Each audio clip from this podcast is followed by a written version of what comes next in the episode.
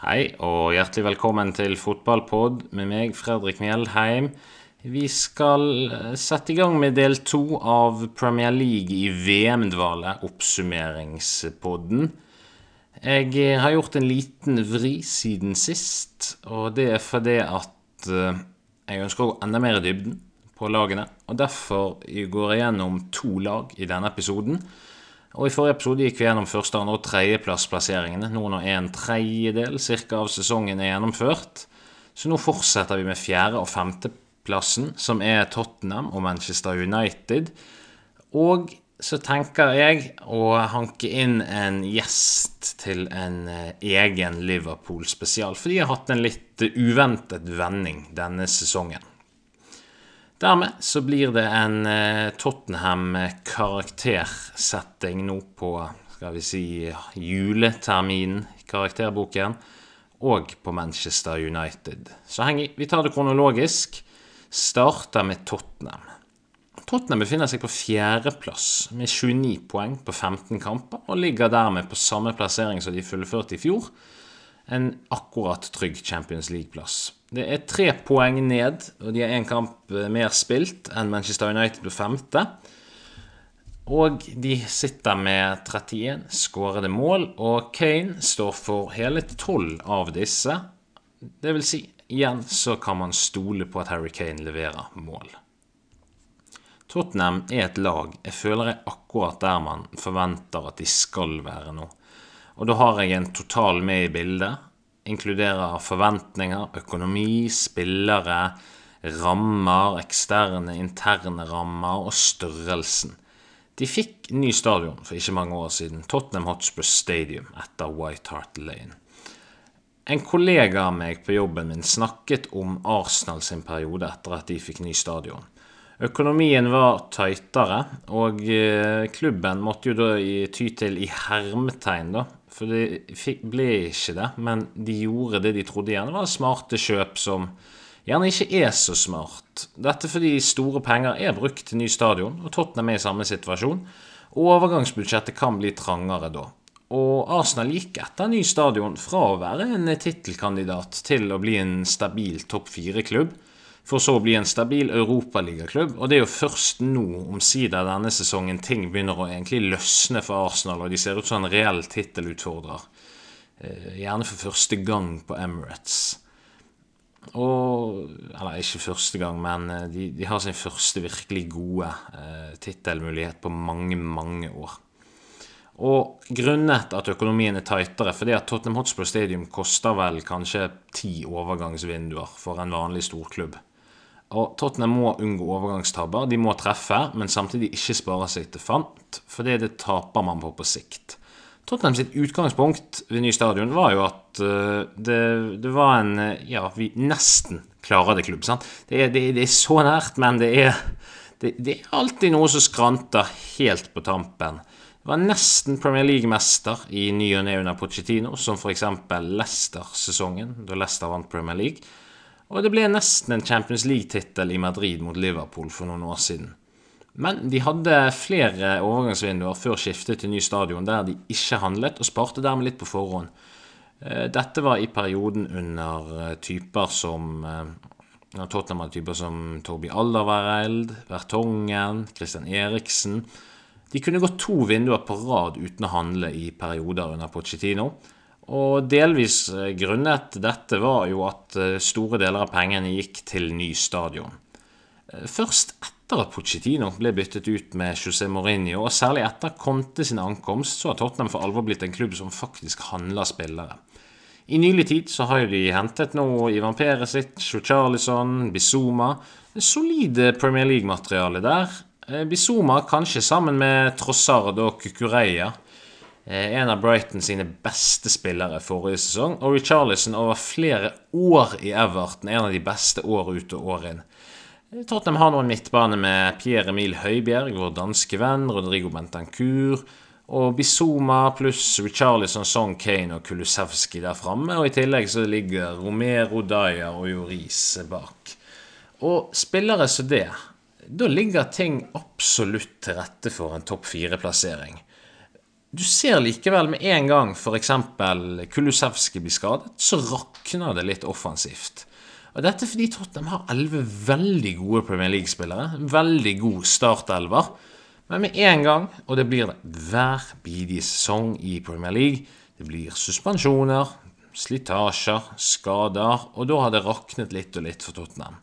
Og så har Tottenham hatt i flere år. Jeg har tenkt konstant i kanskje syv år. Tottenham er tre-fire signeringer unna, toppsigneringer altså, til å være en reell tittelutfordrer. Men det virker jo absolutt som at uh, dette er et litt mer langsiktig prosjekt for Antonio Conte enn han kanskje har hatt før. Satser hardt økonomisk noen år, og så håper at Eh, Conte kan levere titler fra og med neste sesong, gjerne. Det er ikke ofte han tar på seg litt mer langsiktige prosjekter. Han vil gjerne at en klubb skal være klar som tittelkandidat, men han er jo per nesten samstemte rundt omkring i media om dette at eh, Conte skal hvert vindu få handle spillere som han tenker er bra for klubben. Og denne sesongen for Tottenham sin del virker så langt som en sesong hvor man skal igjen etablere seg fast som fast inventar i topp fire, unngå å noensinne komme inn igjen i Europa Conference League, og så igjen markere seg litt i Champions League, noe som man tross alt fullførte på førsteplassen etter om og men i Champions League. Med andre ord, Tottenham ønsker å bli stabilt konkurransedyktig denne sesongen, og det er de foreløpig i rute til å være og si at Tottenham handler riktige typer, gjerne allerede i januar og neste sommer, så kan ting bli veldig bra, tror jeg, stallmessig. At man kan få en god dybde. Og alt ligger jo til rette for at Tottenham skal bli en topp, topp klubb. Stadion, fans, London, Conte, stjernespillere, engelske stjerner. Men de må treffe med framtidige signeringer, og de har truffet bra i det siste. Høibjerg, Bentancour, Kulusevski, alle slått veldig bra til. Og det må de fortsette med. Ingen bommer. Bare fortsett med dette. Og hadde jeg vært Conte nå, så hadde jeg tenkt i januar høyreving. Men vi så når Kulusevski var ute, hvor sårbart det var på ving i forbindelse med det relasjonelle framover. Det trengs dybde. Det har ikke funket så veldig bra i 3-5-2 med gjerne Kane og sånn, og så resten av gjengen er gjerne spillere som er bedre defensivt. Tottenham har jo, som nevnt, etter en del om og men fullført i toppen av Champions League-gruppen sin. Det ble ikke lett, det ble ikke pent, men Tottenham hadde en del skader og klarte likevel å karre seg videre. Jeg sa i starten at Tottenham ligger akkurat der man kan forvente. Men jeg synes faktisk ikke at resultatene gjenspeiler prestasjonen helt.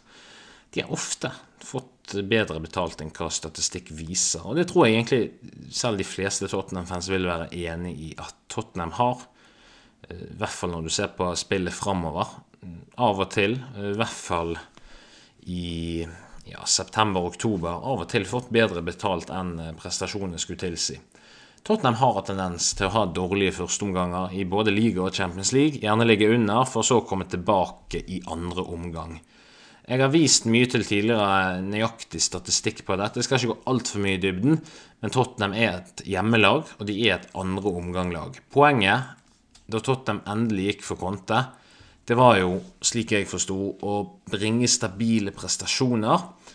Tottenham hadde under Pochettino, delvis Mourinho, òg en tendens til å måtte snu kamper. Starte litt dårlig og snu kamper. Ikke hele tiden, men det, det skjedde Det var ikke uvanlig. Og, eller kanskje litt svak prestasjon, men likevel vinne kampen. Og dette er jo noe som denne sesongen har vært typisk Tottenham. Veldig typisk. Ja, kan skylde på skader, eh, f.eks. Kulusevski. Men prestasjonene var litt kjedelige selv helt i starten i sesongen når troppen var skadefri. Jeg husker jo slutten av forrige sesong, eh, på våren, når Tottenham klatret seg opp til den fjerdeplassen. Nå var Tottenham faktisk gøy å se på må finne litt tilbake til det for at de skal bli eh, artige fotballkamper å se igjen. 2.11., etter Champions League-avansementet, så hadde Tottenham vært liggende under i fire kamper på rad ved pause. Tottenham i første omgang er De får ikke så lett tak i ballen. De evner ikke å presse høyt, de har ikke press på ballfører. Det er rolleforvirring om hvem som skal presse hva på midtbanen. Og de kommer rett og slett ikke til gode målsjanser. Ta f.eks. Eh, Manchester United versus Tottenham i år på Old Trafford i Premier League. grusomt av Tottenham. Og så har man eh, Du har jo selvsagt motvekten type eh, hjemmekampen mot Leicester, som endte 6-7-2. Men det, har dessverre vært unntak i årets sesong. Og det var jo på et tidspunkt Leicester var veldig langt nede prestasjonsmessig. Samtidig ser jo en resiliens i Tottenham-laget og evne til å snu ting. Eh, de virker jo veldig sånn typisk ting å si. Godt trent, men se på kampprogrammet. Det har vært rekordvilt mye kamper i denne oktober-november-perioden. Og Tottenham har hatt noen ville andreomganger. Eh, Ser man kun på Tottenham sine andreomganger i så er ting veldig grønt. Så De har det absolutt inne, men de må evne å vise det i to hele eh, omganger, altså en hel kamp. Men Tottenham og Conte viser jo hvor god taktiker Conte. Conte, eh, altså Conte, ja, Contehem, den har vært fin. Men Conte er jo en av verdens beste managere på skal vi si peptalk i pausen og snu kamper. Det er han absolutt. Eh, se, analysere kampen i første omgang, og så gjerne bam, da har han planen for å ta de etter å ha sett en hel omgang.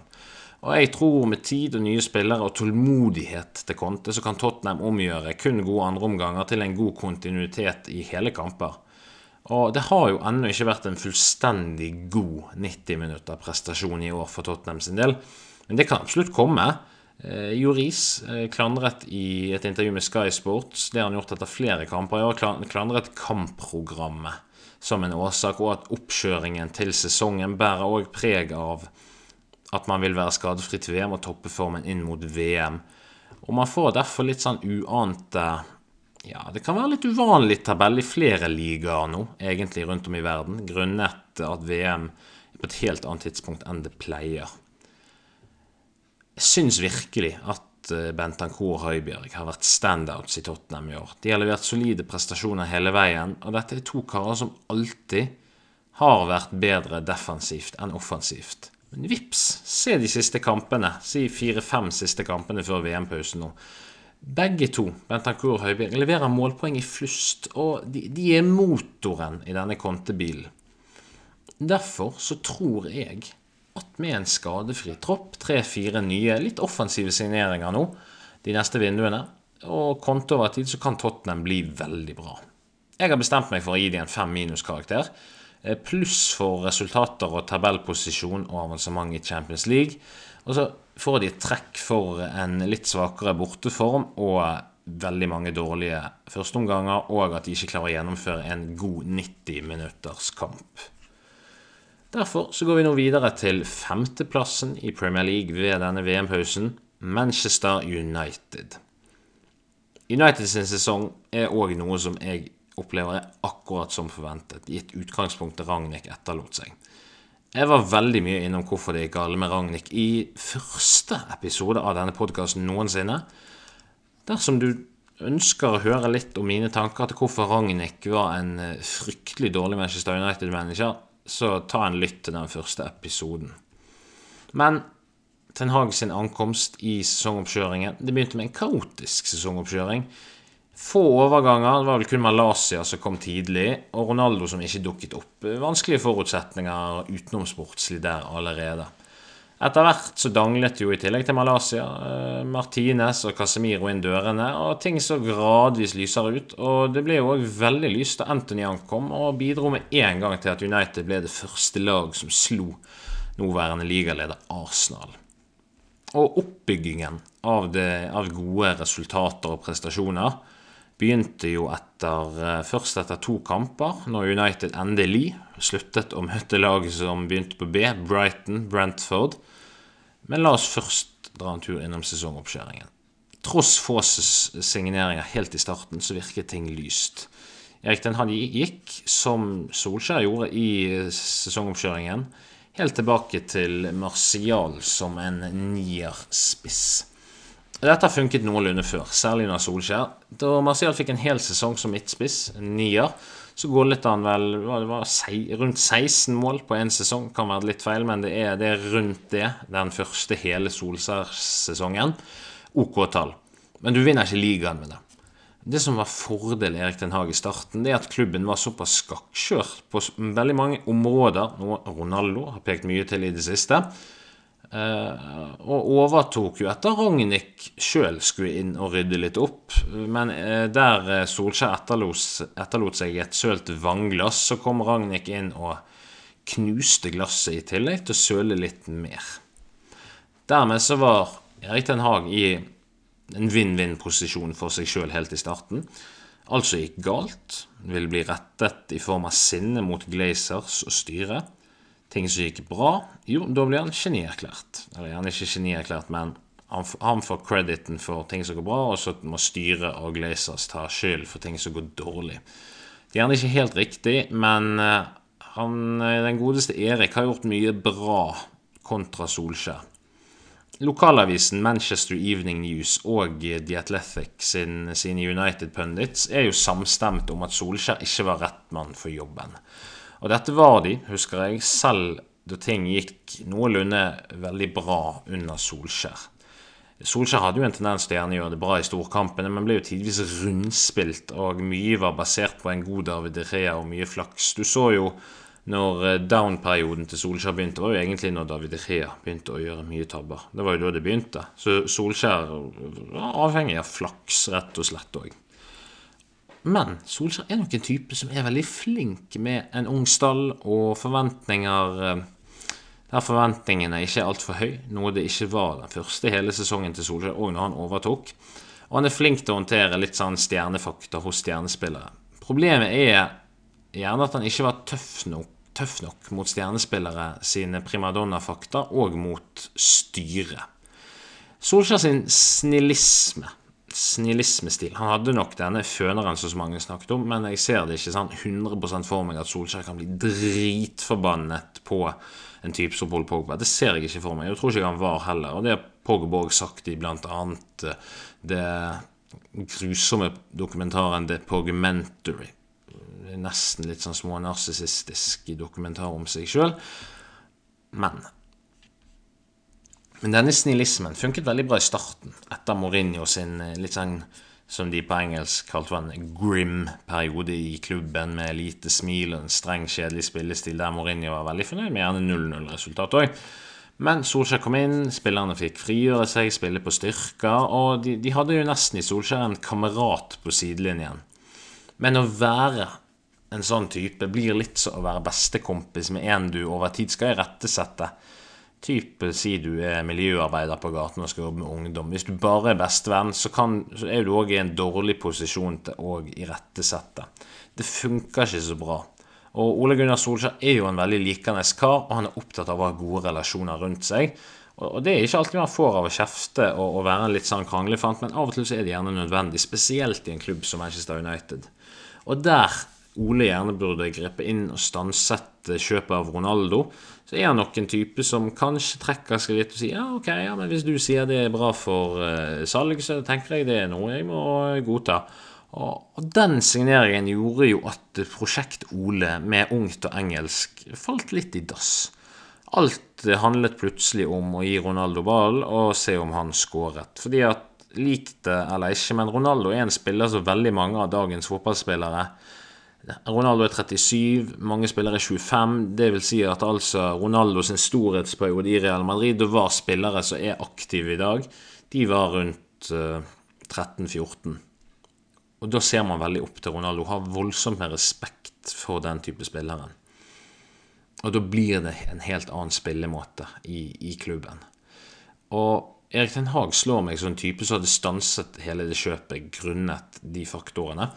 Han, han er litt sånn som Mourinho, en grim type, men han har samtidig en helt annen faglig, taktisk intelligens offensivt, som, som spillerne kjøper. Det ser ut som United-spillerne kjøper det Ten Hag selger. Og dette gjør at de spiller fordi han De spiller for han fordi de respekterer han. Solskjær virket som spillerne spilte for han fordi de likte han. Eh, men det funker en stund, men gjerne ikke hele tiden. Og i hvert fall ikke over tid. Men Solskjær sa gjerne ikke nei når nok var nok. Og Det var kilden til at han gradvis gjerne mistet mer og mer respekt. Han hadde, ikke, han hadde rett og slett ikke pondusen til å sette Maguire ut av laget når han var dårlig. Han hadde heller ikke gjerne pondusen til å sette Pogba og Ronaldo på plass. Og Det har Ten Hag, og det tror jeg Stahl trenger. Noe av det viktigste Ten Hag har blitt flink på, er å ha en høyere terskel for skader.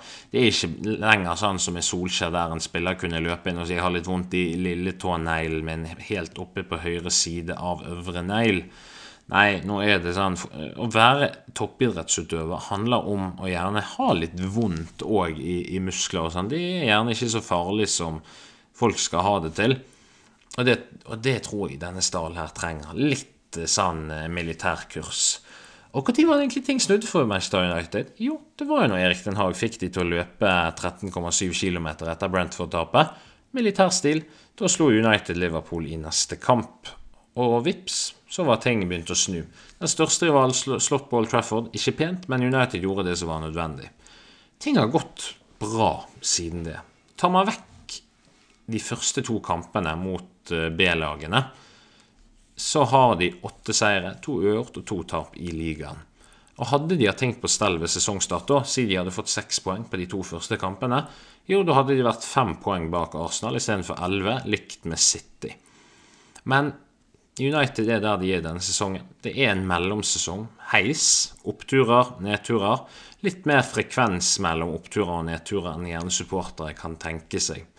Det som likevel er utmattende for Manchester United, det er at dette er kanskje den syvende mellomsesongen på ti år. Moyes var en mellomsesong, van Gaal-perioden var en stor ørkenvandring, Mourinho funket i to sesonger, Solskjær hadde et nestlag, og Ragnhild var en eneste stor kollaps. Og Ragnhild-snakken til Ronaldo i hans intervju nå, det er det eneste jeg mener virkelig er 100 spot on. Resten er litt sånn ymse. Og hvorfor skal United med Ragnhild ansette en kar i en krisetid for klubben som har vært trener to av de siste ti årene? Helt alvorlig. En av de største klubbene i verden med mest økonomiske midler. Det, det ga lite mening, da. Og jeg syns det er noe som har blitt kritisert litt lite av enkelte.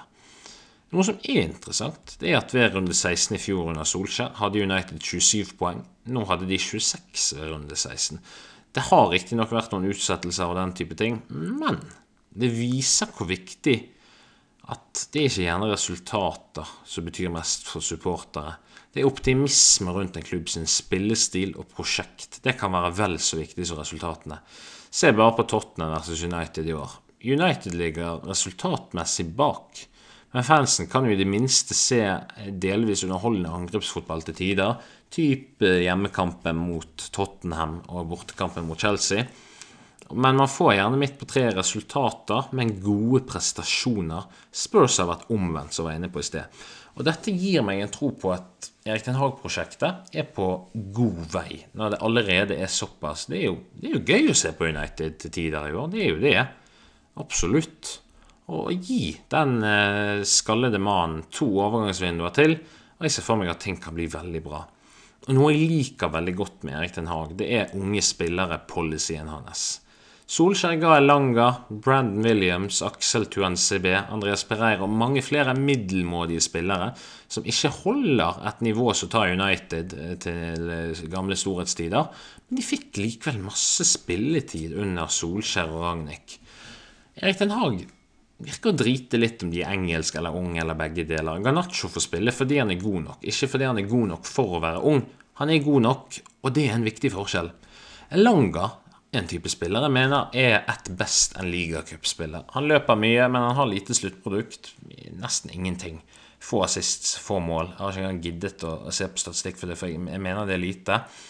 Han er en wing. Det, det må United uh, vekk fra å bruke en wing som ikke leverer så mye målpoeng. Ja, han kan bli god på et tidspunkt. Ja, han er Mank born and bred, og død.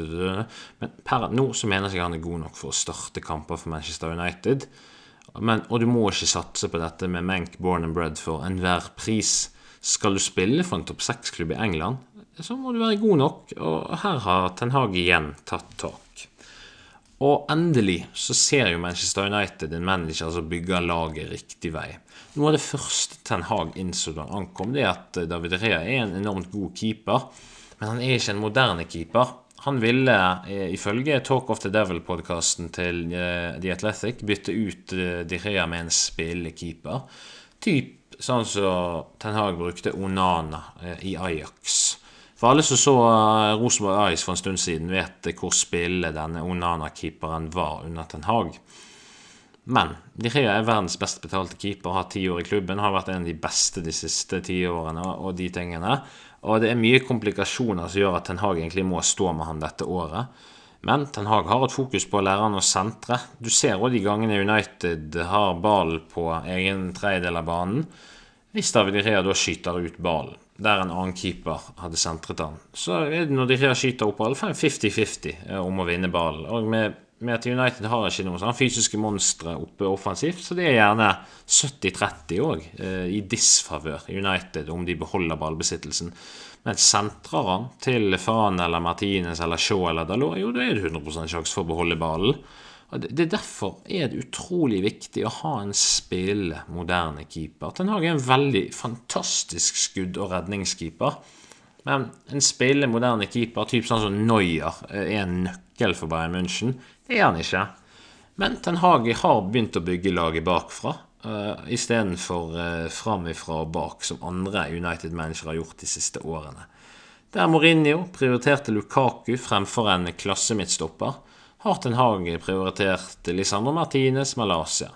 Der Solskjær ville ha en stjerneving, så har Ten Hag prioritert en defensiv midtbane, f.eks. Frenkie de Jong, som han jaktet så mye, som dessverre, eller heldigvis, alt etter hvordan du ser på det, ble til Casemiro. Jeg må understreke at Ten Hag har fått veldig mye midler å handle for, men han har forvaltet det så å si perfekt. Eneste minuset så langt er jo at Anthony ble veldig dyr, og Casemiro er 30 år. Men det funker.